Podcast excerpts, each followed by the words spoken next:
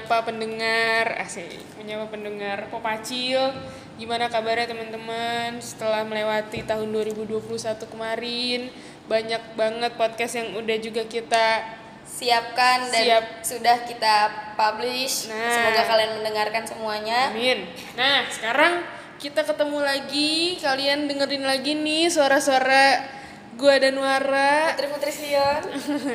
Tapi kalau yang lupa nih, mungkin awal tahun lupa kali nama Oh ya, kita. oke, bisa. Kenalan nama, lagi deh. Iya, kenalan lagi nama gua Peti ya.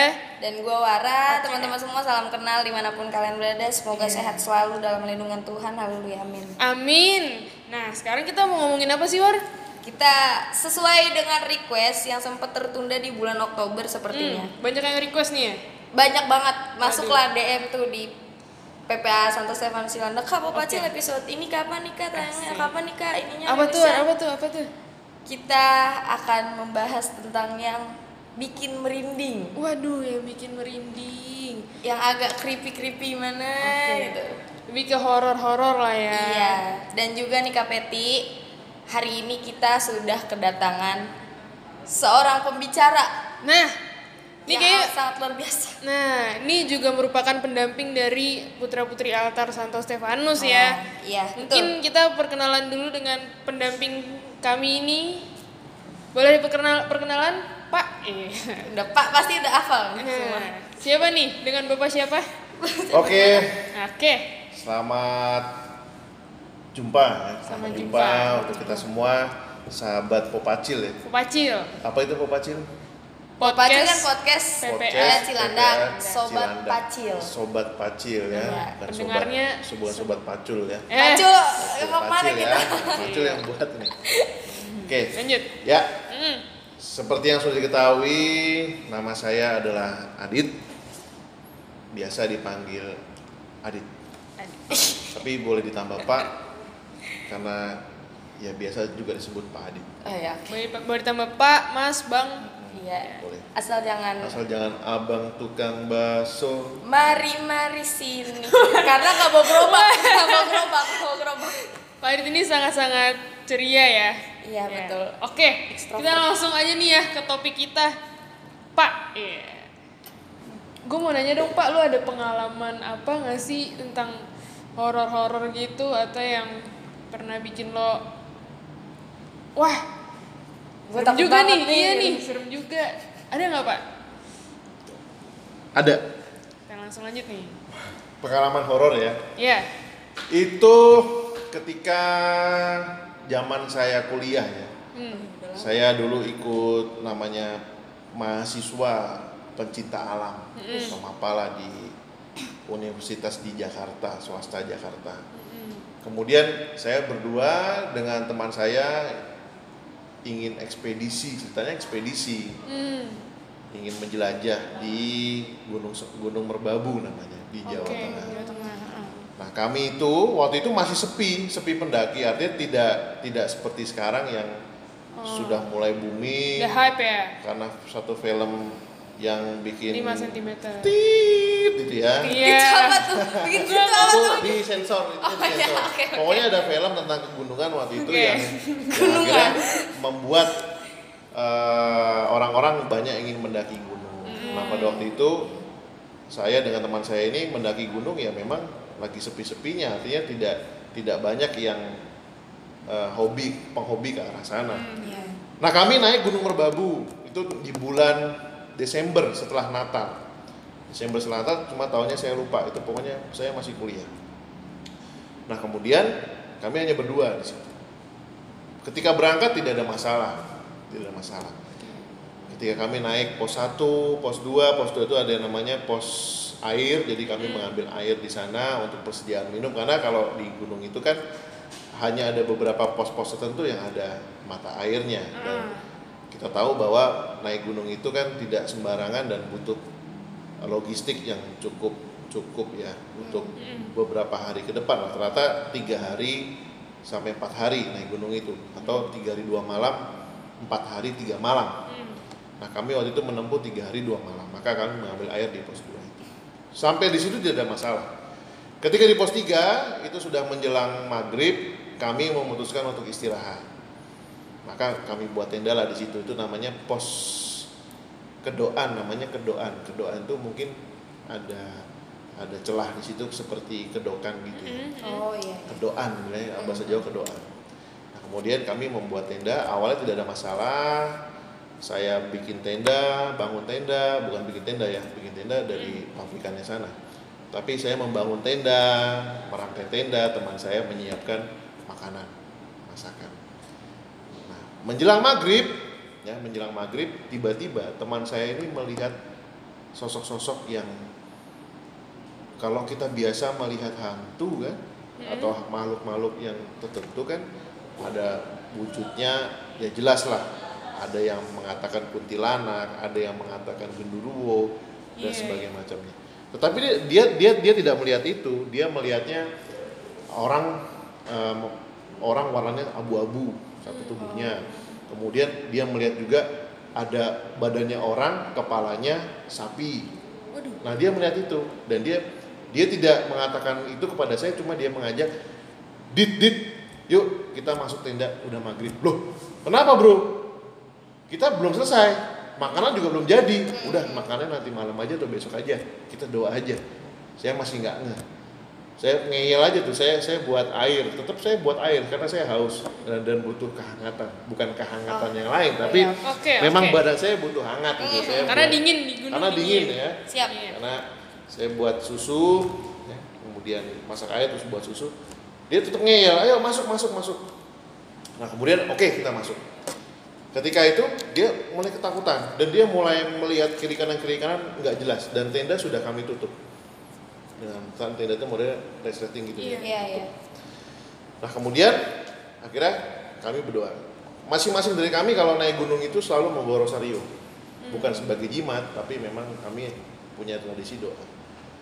Nah kemudian ketika doa rosario, badan saya itu seperti ada yang noyor. Noyor itu apa bahasa? Eh, ini? kayak di Mendorong, toilet dorong mendorong. dorong. Senggol. Senggol. Iya, Jadi senggol saya duduk bersila gitu, saya kayak maju di, di dari belakang di kepala saya di apa kepala saya di Dorong-dorong. Dorong. Tapi tetap rosario tapi terus. tetap rosario.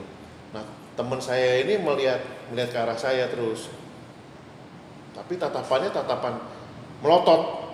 Itu, itu situasi mulai agak-agak kacau di situ. Tet- tapi tetap dia bilang udah terus rosario rosario terus.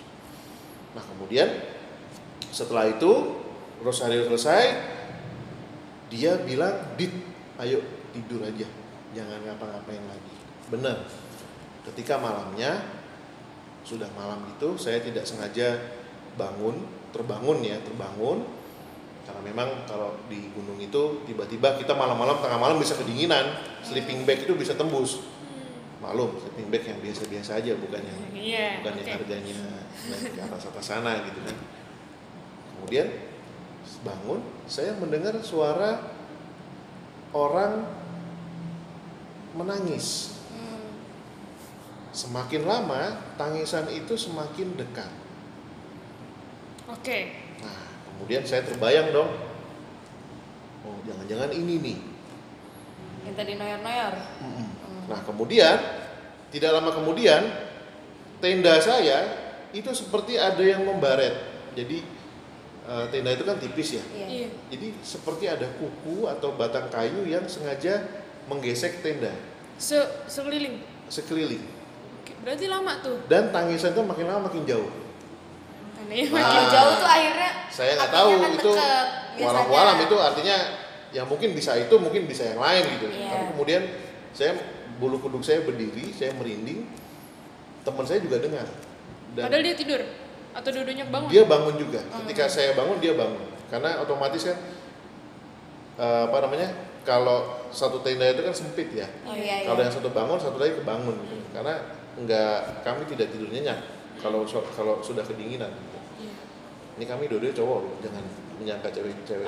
Iya. Ya. Ini, ini Siap, perlu, siap, dikoreksi. Nah kemudian sleeping bag itu akhirnya resletingnya itu sampai kami tutup sampai muka. Jadi benar-benar tutup semua. Mm-mm. Keesokan paginya, keesokan paginya kemudian dia baru cerita. Di kemarin itu ada orang warnanya abu-abu. Kemudian ada yang kepalanya kepala sapi, kepala kambing. Ah, yang bener loh. iya itu. Lu merasa toyor-toyor nggak? Iya emang kayak dorong-dorong. Ya itu dia. Nah terus dia bilang denger nggak kemarin malam-malam ada suara orang nangis? Ya denger sih. Nah itu dia itu juga itu. Sama. Nah dari situlah kemudian eh, entah sugesti atau apa saya jadi ketakutan dan saya jadi agak membayang-bayangkan itu Nah, kemudian akhirnya kami meneruskan naik ke puncak. Nah, di sebelum puncak itu ada petilasan. Petilasan itu dulu bekas makam. Oke. Nah, teman saya bilang, lu kayak orang nggak sadar.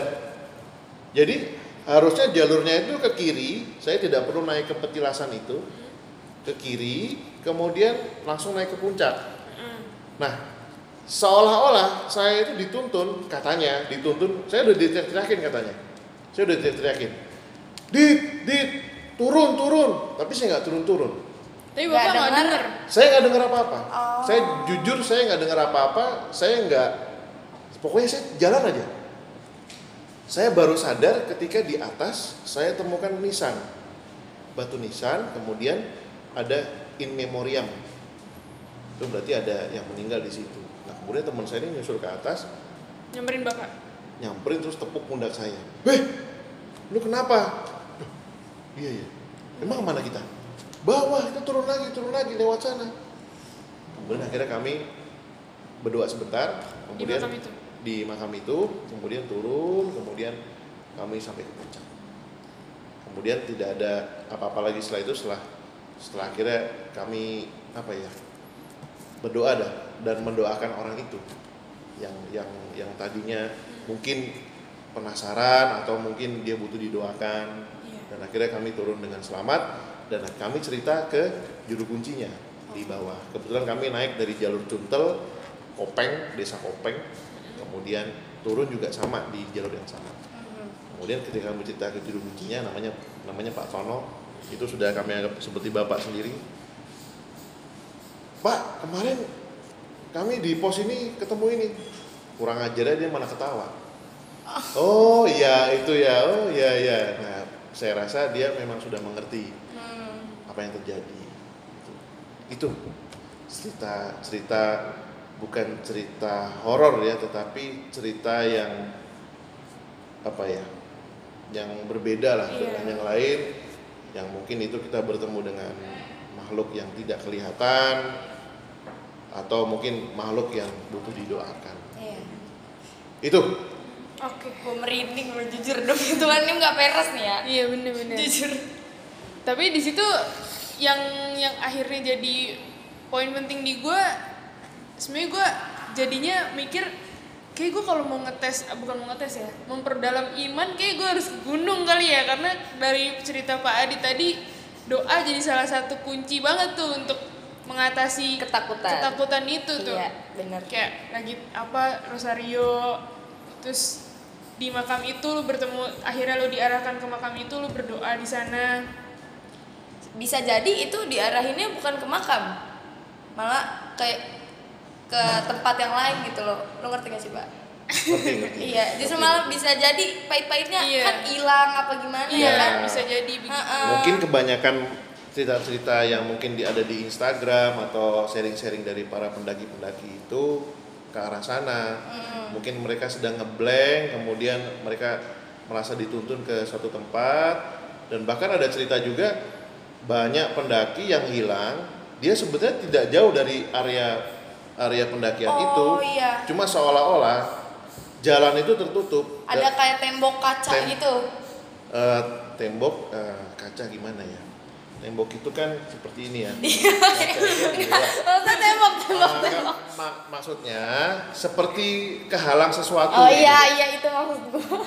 Iya, dia kalau kaca pasti bisa tembus Iya. atau bisa. Iya, gitu. Iya gitu. oke berarti iya juga sih Oke, nah itu ya. Jadi memang kebanyakan seperti itu sih. Kalau di Gunung Semeru ada ada yang namanya blank 75 ya.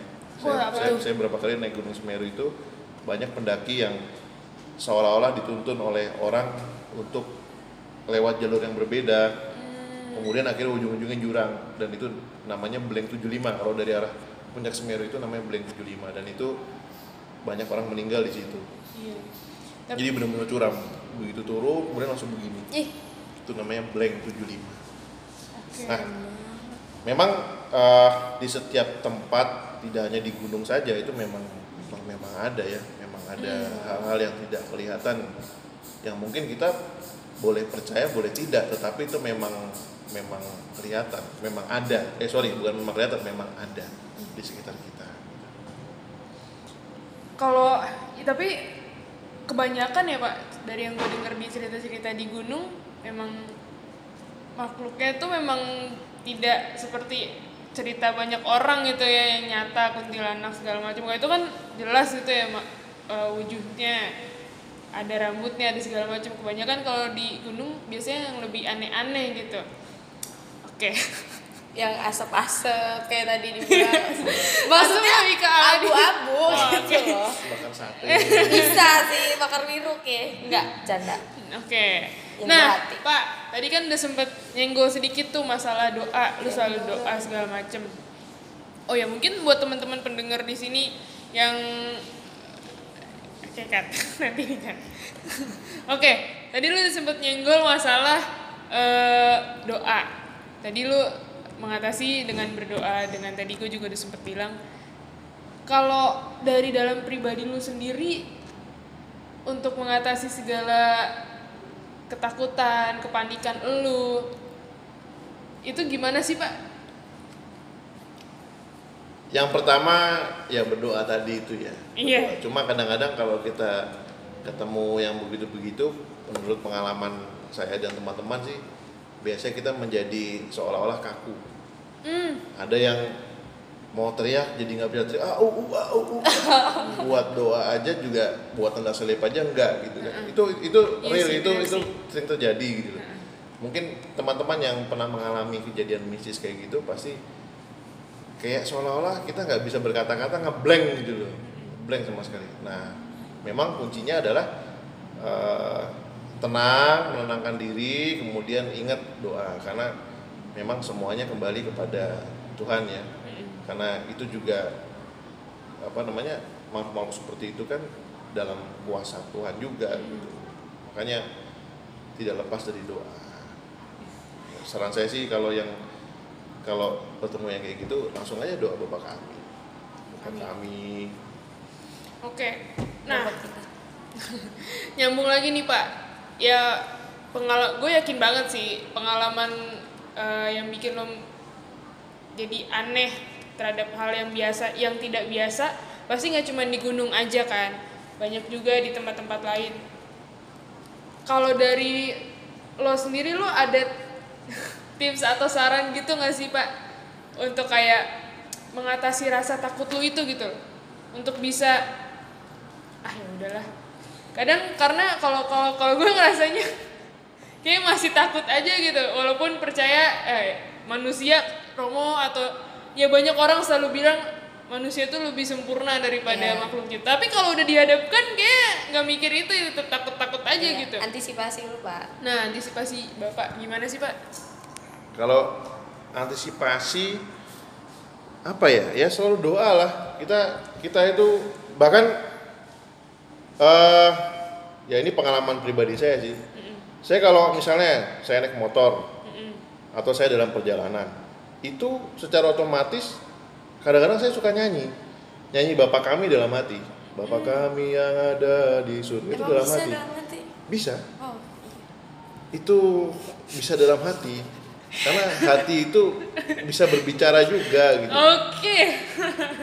Lanjut ya kayak gitu jadi jadi selalu membawa apa selalu doa di kapan saja gitu bahkan doa itu bagikan mantra gitu.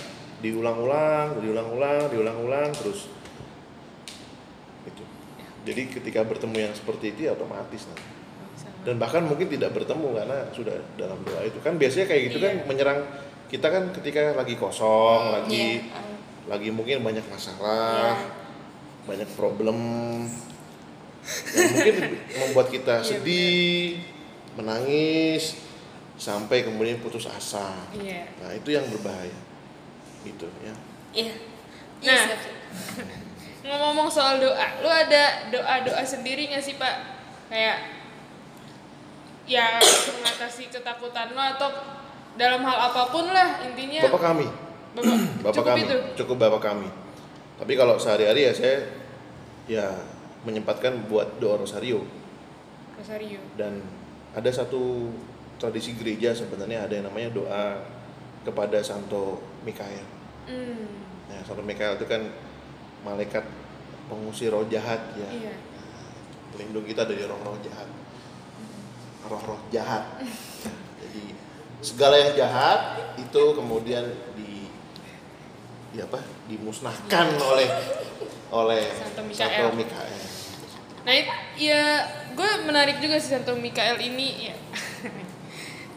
Karena se- sering kali kita nggak tahu gitu. Bahkan mungkin kalau nanya doa Santo Mikael apa sih doa apa sih segala macem. Nah mungkin di dari podcast ini bisa jadi pengenalan juga nih buat kalian para pendengar Sobat Pacil. Sobat Pacil untuk coba deh dicari doa Santo Mikael. Doanya bagus banget sih menurut gue dan masuk banget di dalam keadaan takut lo. Doa itu tuh bener-bener menjawab banget. Nih, doanya kayak gini nih. Gimana Pak? Santo Mikael, bantulah dan lindungilah kami dalam perang melawan kejahatan dan tipu daya setan. Kami mohon dengan rendah hati kiranya Allah menghukumnya dan engkau panglima bala tentara surga dengan kekuatan ilahi. Usirlah mereka kembali ke dalam neraka, setan dan roh jahat lainnya yang berkeliaran di atas bumi yang hendak membinasakan segala jiwa. Amin. Amin. Sederhana, tetapi itu bisa menjadi benteng bagi kita untuk Ya, menjauhkan dari roh-roh jahat. Gitu ya. Amin. Oke, Pak Adit.